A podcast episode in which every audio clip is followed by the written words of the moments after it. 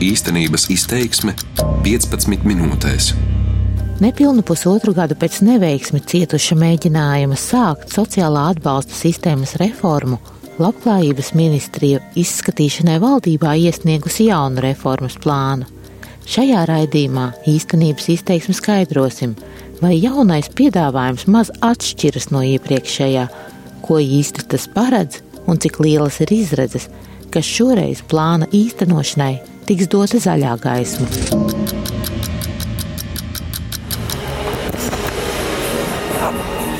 Vasarīgajā rītā Latvijas sarkanā krusta sociālā centra gaiziņu iemītnieki jau devušies savās gaitās. Centra darbinieki steidz uzkopt telpas, pa atvērtajiem logiem dzirdami ielas trokšņi, grīdas, vēl mitras. Siltajā laikā šeit nakts mājas rod aptuveni 60 cilvēki dienā. Ziemā nakšņotāju skaits pieaug līdz simtam, bet pašā ziemas spēlgonī dažu nakti nākas izmitināt pat 140 cilvēku. Labdien! Es esmu Lustijā vadītāja. Jūs esat tieši šī sociālā centra vadītāja. Šeit palīdzību var saņemt bez pajumtes palikušie un cilvēki krīzes situācijās. Turklāt šī ir vienīgā vieta Rīgā, kur nakts mītne netiek liekta arī alkohola reibumā esošajiem. Tepat tiek dalītas arī pārtikas pakas, bet ne tikai. Centra darbinieki šeit nonākušajiem cenšas palīdzēt atgriezties normālā dzīvē. Sakārtot dokumentus, atjaunot dokumentus, teiksim, ja tie ir nozaudēti, nozakti, vai kādā cita iemesla dēļ nav šie dokumenti, personas apliecinoši dokumenti. Tad uh, iet uzskaitē stāties kā bezdarbniekam nodarbinātības valsts aģentūrā, sameklēt kādu darba vietu, vai tā būtu pagaidu darba vieta, vai tā būtu saistībā ar NVA kādi kursi, kur ir arī mācoties cilvēks saņēma um, stipendiju. Tad mūsu sociālais darbinieks strādā um, sociālajā jomā tieši paskaidrojot klientiem, kādas ir iespējas, kur būtu jāgriežās, kādi ir pabalstu veidi, vai ir nepieciešams sagatavot sagatavot kādus dokumentus pašam klientam un aiziet uz sociālo dienestu nokārtot. Varbūt bez tā klients ir ar veselības problēmām un viņam nepieciešams nokārtot invaliditātes grupu. Tad atkal uzreiz arī sadarbība ne tikai ar sociālo dienestu, bet ar ģimenes ārstiem un arī ar citiem speciālistiem. Stāsta Ilona Luste, sociālās palīdzības centra gaiziņš vadītāja. Iemesli, kādēļ centra iemītnieki spiesti nakšņot patversmē, esot visdažādākie ir cilvēki, kas savus mājokļus zaudējuši veselības problēmu, atkarību vai parādu dēļ, ir tādi, kas nesen iznākuši no cietuma, arvien biežāk nākoties sastapt ļaudis, kas brīvprātīgi vai piespiedu kārtā atgriezušies no ārzemēm. Šo cilvēku sociālās prasmes un arī attiecības ar naudu ir ārkārtīgi atšķirīgas.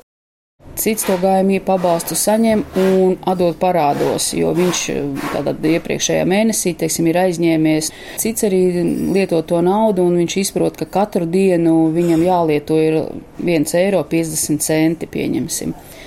Tā kā ir klienti, kuri atnāk un palūdz tad izskaidrot, tātad kāda viņam naudas summa būtu nepieciešama atstāt dokumentu noformēšanai. Uz Latvijā pastāvošās sociālā atbalsta sistēmas trūkumiem Latvijai jau ilgāku laiku norāda dažādas starptautiskās organizācijas, tostarp Ekonomiskās sadarbības un attīstības organizācija un Eiropas komisija, kas uz nepieciešamību pilnveidot sociālo pabalstu sistēmu norāda jau kopš 2012. gada. Latvija 2014. gadā pieteica ambiciozas reformas, kurām bija jāuzsākās 2017. gadā. Diemžēl tas pilnvērtīgi nav noticis. Tā Eiropas komisijas pārstāvniecības Latvijā ekonomikas padomniece Agnese Dagila. Viens no problēma jautājumiem, kuru Eiropas komisija vairāk kārt akcentējusi, ir garantētā minimālā ienākuma apmērs. Pēc vairāku gadu pārtraukuma šogad tas palielināts taču pieaugums par 3 eiro un 20 centiem mēnesī drīzāk ir simbolisks žests. Tieši šogad mēs arī konkrēti aicinām uzlabot minimālo ienākumu pabalstu sistēmas adekvātu un tātad šo apjomu, lai tas būtu pienācīgs, nodrošinot cilvēku cienīgu dzīvi. Tas ir viens no būtiskiem elementiem kopējā sistēmā. Un Latvijas gadījumā šis garantētais minimālais ienākums, kas šobrīd ir 53 eiro, ir turpat sešas reizes mazāks nekā nabadzības slieksnis. Latvijā ienākumu nevienlīdzības problēma pēdējos gados lielākoties mēģināts risināt ar nodokļu politikas palīdzību. Ir ieviests diferencēts ar iedzīvotāju ienākumu nodokli neapliekamais minimums, kopš šā gada 1. janvāra arī diferencēta nodokļa likme. Tomēr Eiropas komisijas ieskatā mēģinājumi nevienlīdzību risināt tikai ar šādām metodēm nav paši efektīvākie, saka Dagila. Ne visus cilvēkus var aizsniegt ar nodokļu politiku, un šie trūcīgākie nereti visbiežāk tā arī ir. Tie ir cilvēki, kuri nav nodarbināti, vai tas būtu veselības apsvērumu dēļ vai citu apstākļu dēļ. Dati, kurus pēc aizpērn notikuša apsekojuma apkopojusi Centrālā statistikas pārvalde, liecina, ka nabadzības riskam visvairāk pakļautas nepilnās ģimenes un cilvēki vecumā virs 65 gadiem. Proti, Šim riskam pakļautas vairāk nekā trešdaļa viena vecāka mājsaimniecību, un te jau 40% senioru vecumā virs 65 gadiem. Gadījumos, kad sirmgalvas dzīvo viens, nabadzības risks sasniedz jau teju 73%. Tātad trīs no četriem vientuļajiem pensionāriem ir pakļauti nabadzības riskam. Ņemot vērā šo apsvērumu, Labklājības ministrijas sagatavotajā plānā minimālo ienākumu atbalsta sistēmas pilnveidošanai, to plānots sākt ar 12 gadus nemainītā valsts sociālā nodrošinājuma pabalsta un minimālās vecuma pensijas palielināšanu. 2019. gadā to paaugstinot no pašreizējiem 64 eiro mēnesī līdz 94 eiro mēnesī.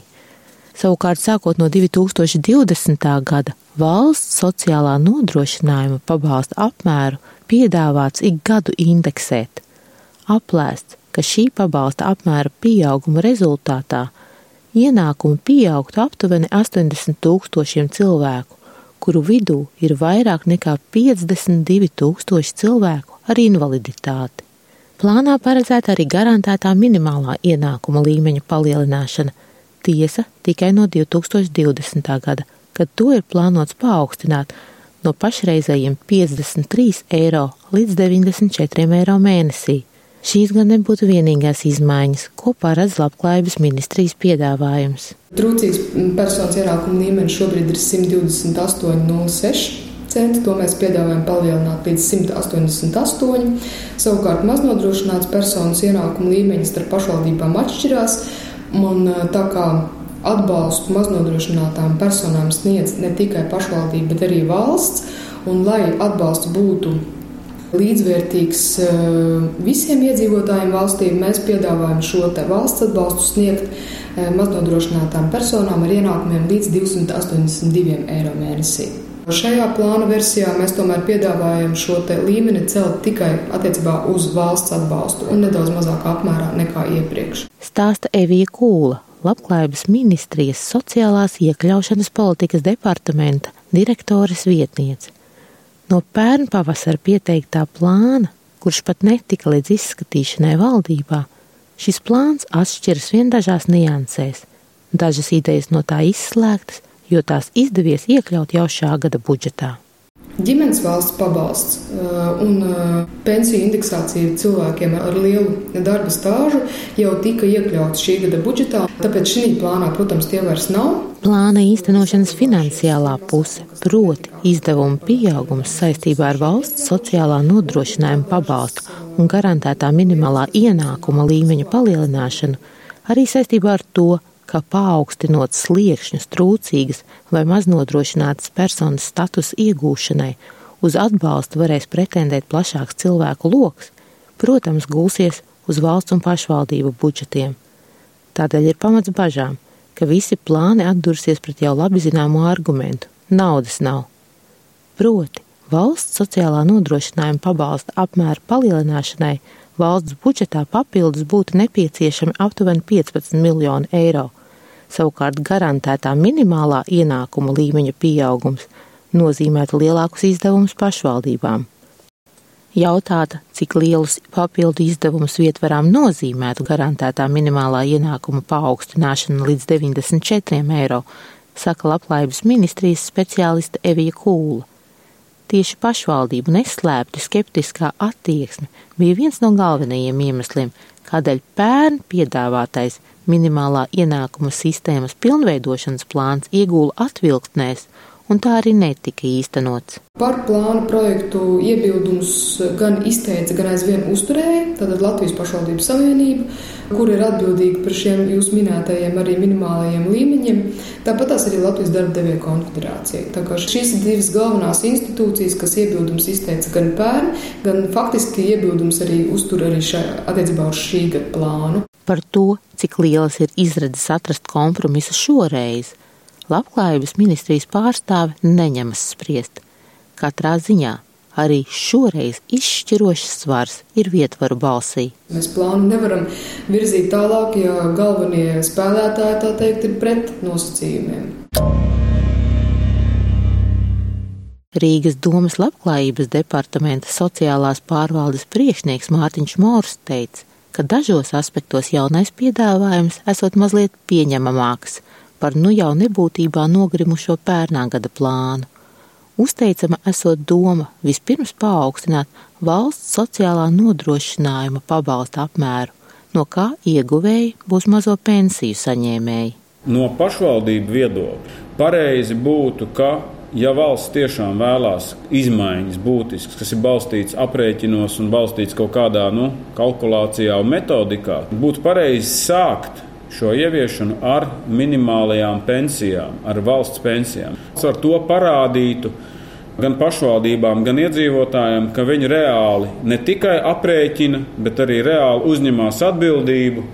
Nevis pasakā, kā ir labi, un, un vienlaikus pasakā, ka tas ir kādam citam jāievieš. Labklājības ministrijas aprēķini viņa prāt nav īsti korekti, jo tajos nav ietvertas visas izmaksas, kas rastos saistībā ar plānā iekļauto pasākumu iedzīvināšanu pašvaldības savienības sanāksmē Labklājības ministrija pašvaldības savienība norādīja to, ka pašvaldības uzstāja, ka ir jāveic padziļinātāk aprēķina, kāda ir īstā, gan tiešā, gan netiešā ietekme. Jo bieži vien tiešo ietekmi uzrāda, bet netiešo ietekmi, jā, teiksim, neuzrāda. Piemēram, netiešā ietekme ir arī dažādi veidi citu atvieglojumu trūcīgām maznodrošinātām personām. Jā.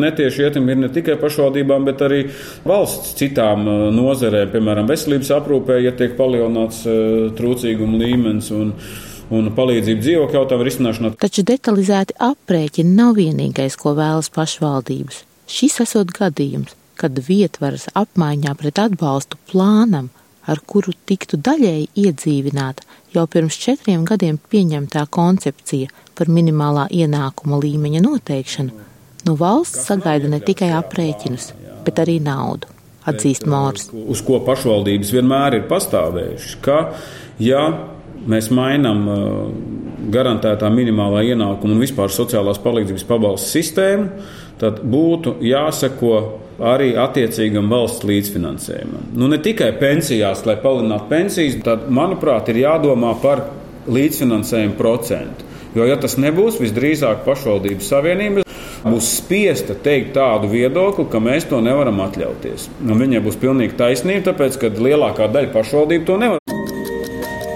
Latvijā izdevumi, kas tiek atvēlēti sociālajai palīdzībai, ir manāmi zemāki par Eiropas Savienības vidējiem. Piemēram, aizpērn Latvija dažādiem ar sociālo aizsardzību saistītiem pasākumiem tērēja aptuveni 12% no iekšzemes koprodukta, kamēr Eiropas Savienības valstīs tam tiek tērēts vidēji ap 19% no iekšzemes koprodukta. Kamēr stīvēšanās ap iespējamām izmaiņām turpinās, arī piedāvātais palielinājums ar katru gadu šķiet arvien simboliskāks un jau tagad skaidrs, ka pat pēc tā ieviešanas trūcīgākie arvien būs visai trūcīgi. Raidījumu veidoja Madara Friedrichsone, par skaņu rūpējās Uldis Grīnbergs darbības vārds īstenības izteiksmē izsaka darbību kā realitāti. Tagatnē, pagātnē vai nākotnē, vai arī to noliedz.